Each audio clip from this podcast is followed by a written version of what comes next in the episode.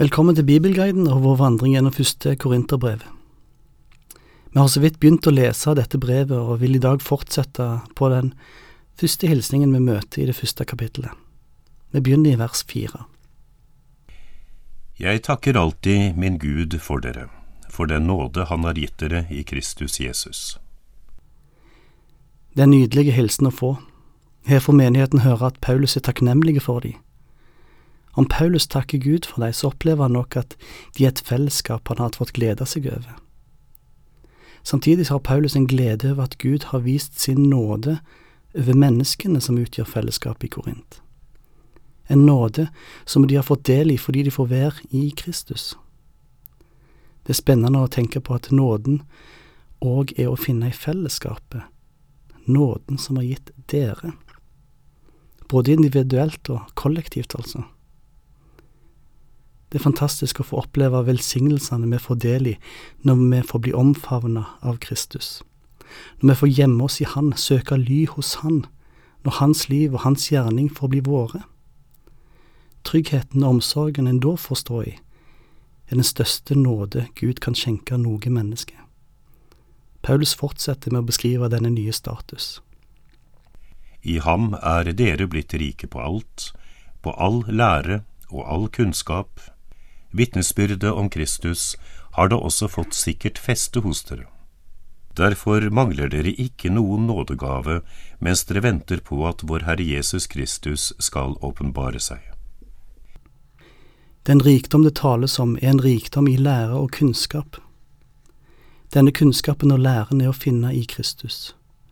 Og grunnen til at Paulus kan si dette om menigheten, er at han vet at vitnesbyrdet om Kristus har fått skikkelig feste hos deg. Hjørnesteinen Jesus, som hele bygget er fundert på, er intakt av Guds nåde.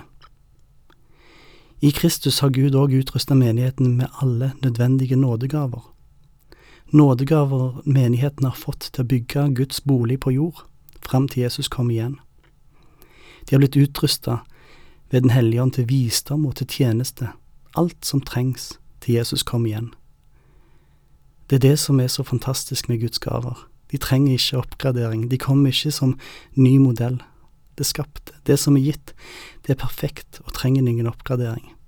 Derfor har vi det som trengs, det som kan gi oss styrke helt fram til målet, til enden kommer.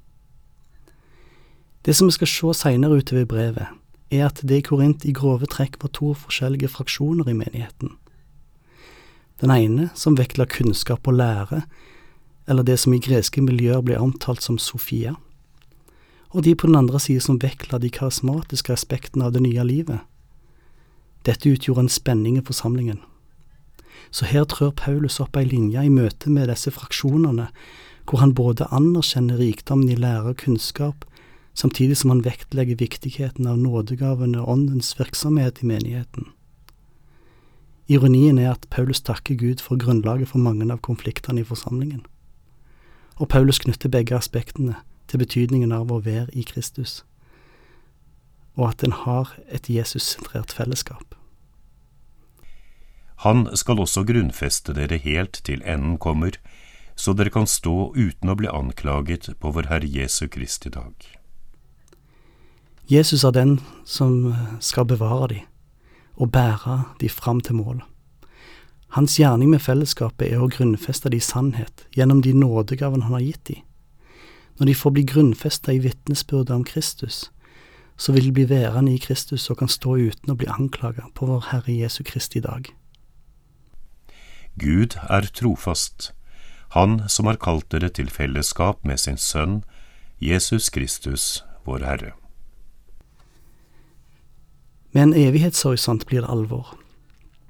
Da er det godt å bli minnet om Guds trofasthet, Hans løfter består, Hans gjerninger er gode og holdbare.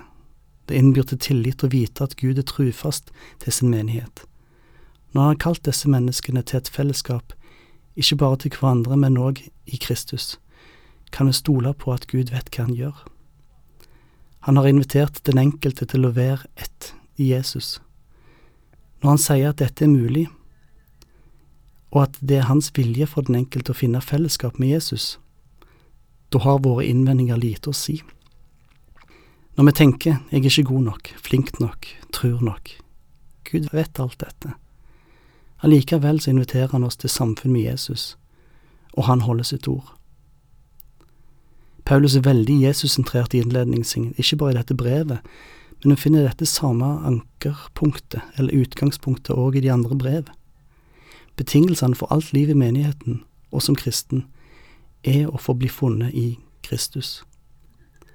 Samtidig blir vi minnet på at det er Gud sjøl som gjennom Kristus og Den hellige ånd bygger sin menighet, som òg bygger det kristne livet. Det er ikke egne bestrebelser eller et økt kunnskap eller åndelige opplevelser som legger grunnen for kristenlivet eller menigheten. Det er nåden og velsignelsen en får del i når vi får se oss i Kristus. Det er kanskje mange lesere av dette brevet som blir sjokkert når vi fortsetter lesningen. For selv om menigheten i Korint får mange lovord i starten av brevet, så er det ingen perfekt menighet. Seinere i brevet så får vi høre om blodskam og hor i menigheten, og om rettssaker mellom kristne i menigheten. Derfor blir egentlig fortsettelsen litt overraskende. Jeg formaner dere, søsken, ved vår Herre Jesu Kristi navn, at dere må være enige. La det ikke være splittelse blant dere, men stå sammen i syn og tanke. For noen av Kloes folk har fortalt meg, søsken, at det er stridigheter blant dere. Jeg sikter til dette at noen av dere sier, Jeg holder meg til Paulus, mens andre sier, til Apollos, til Kefas eller til Kristus. Selv om Gud er trufast, er ikke vi alltid trufast mot Hans ord. Og det er dette Paulus nå kom inn på når det gjelder fellesskapet i Korint. Selv om Paulus omtaler menigheten som én, så er det tydelig at det er partidannelser i forsamlingen. Det er en truende splittelse i flokken. Noen holder seg til den ene forkynneren, mens andre holder seg til den andre predikanten. Det ligger en trussel i splittelse. Splittelsen føres an av sterke ledere som danner grupper. Dette har Paulus fått høre ifra Chloes folk, Chloe, eller Chloe, drev kanskje handel mellom Korint og Efesos. Her søkte Paulus siste nytt om sine søsken i Korint, og ble meddelt at det reiv en splid i flokken. Noen danner partier rundt Paulus, andre Peter og Apollos, mens noen, som på mange måter høres rett ut, danner et parti rundt Kristus.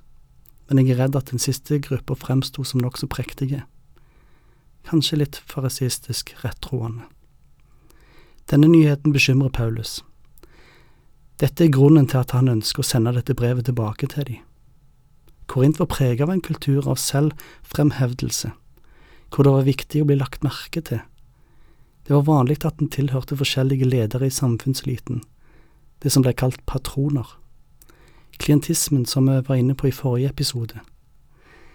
Vi bør ikke bli overrasket over at den lokale kulturen og dens verdier fikk gode vekstvilkår og i menigheten. Men det leder oss til noen vanskelige spørsmål om for noen lokale kulturelle verdier som får gode vekstvilkår i våre liv, og i våre forsamlinger. Mennesker og forkynnere vil vektlegge forskjellige aspekter av den kristne tro. Det kommer av at vi har fått et kall til å være vitne, vitne om det vi har sett og hørt. Det vil bli forskjellige perspektiver som kommer til uttrykk i disse vitnesbyrdene. Men som i enhver rettssak, så er det bildet som tegner seg når vitnesbyrdene settes sammen, som er avgjørende. Det bildet Paulus, Peter og Apollos ønsker å tegne for menigheten i Korint, var et bilde av Jesus, vår frelser og forsoner, vår opprettholder, vårt alt. Paulus minner forsamlingen på dette med de følgende retoriske spørsmålene. Er da Kristus blitt delt? Var det kanskje Paulus som ble korsfestet for dere, eller ble dere døpt til Paulus' navn? Jesus er én. Det fins ikke forskjellige Kristuser i de forskjellige konfesjonene. Det fins heller ikke forskjellige etniske Kristuser. Kristus er én, han som døde og oppsto for å frelse alle mennesker. Han er sentrum, han er fokus, han er selve utgangspunktet. Jeg takker Gud for at jeg ikke har døpt noen av dere, bortsett fra Krispus og Gaius, slik at ingen kan si at dere ble døpt til mitt navn. Riktignok har jeg også døpt Stefanas og hans familie, men ellers vet jeg ikke om at jeg har døpt noen. For Kristus har ikke sendt meg ut for å døpe, men for å forkynne evangeliet, og det ikke med talekunst og visdom, så Kristi kors ikke skal miste sin kraft. At folk ønsker å knytte seg til åndelige ledere er ikke noe nytt. Vi kan ofte høre lignende historier i vår tid. En kan knyttes til forkynneren som fikk formidla evangeliet til frelse, konfirmantlæreren eller søndagsskolelæreren som fikk presentere Jesus for oss. Er evig takknemlige til disse menneskene som fikk lede oss til Jesus. Men når vi fikk møte Han, så var det han som overtok fokuset. Paulus nevner tre personer som han døpte mens han var i Korint. Han vil på en måte ikke assosieres med disse dåpene, fordi det var ikke i hans navn at de ble døpt. De ble døpt i Faderens, Sønnen og Den hellige ånds navn. Paulus var på oppdrag, med initiativ fra Gud sjøl. Takken og hengivenheten må rettes til Gud. Det høres kanskje rart ut når Paulus sier at Kristus ikke sendte han ut for å døype, når vi kjenner til misjonsbefalingen. Paulus undergraver ikke dåpens betydning, men han delegerer den oppgaven til lokale ledere i menigheten. Han sjøl er en apostel som er sendt med evangeliet. Hovedbudskapet for Paulus er det gode budskap om Jesu død og oppstandelse på våre vegne. Det er avgjørende.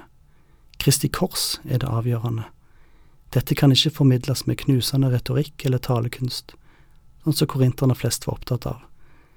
Dette er dårskap som vi må holde fast på og gjenta. Paulus blir gjerne oppfatta som en idiot, så lenge han får forkynne den sannhet som han er utsendt for å formidle.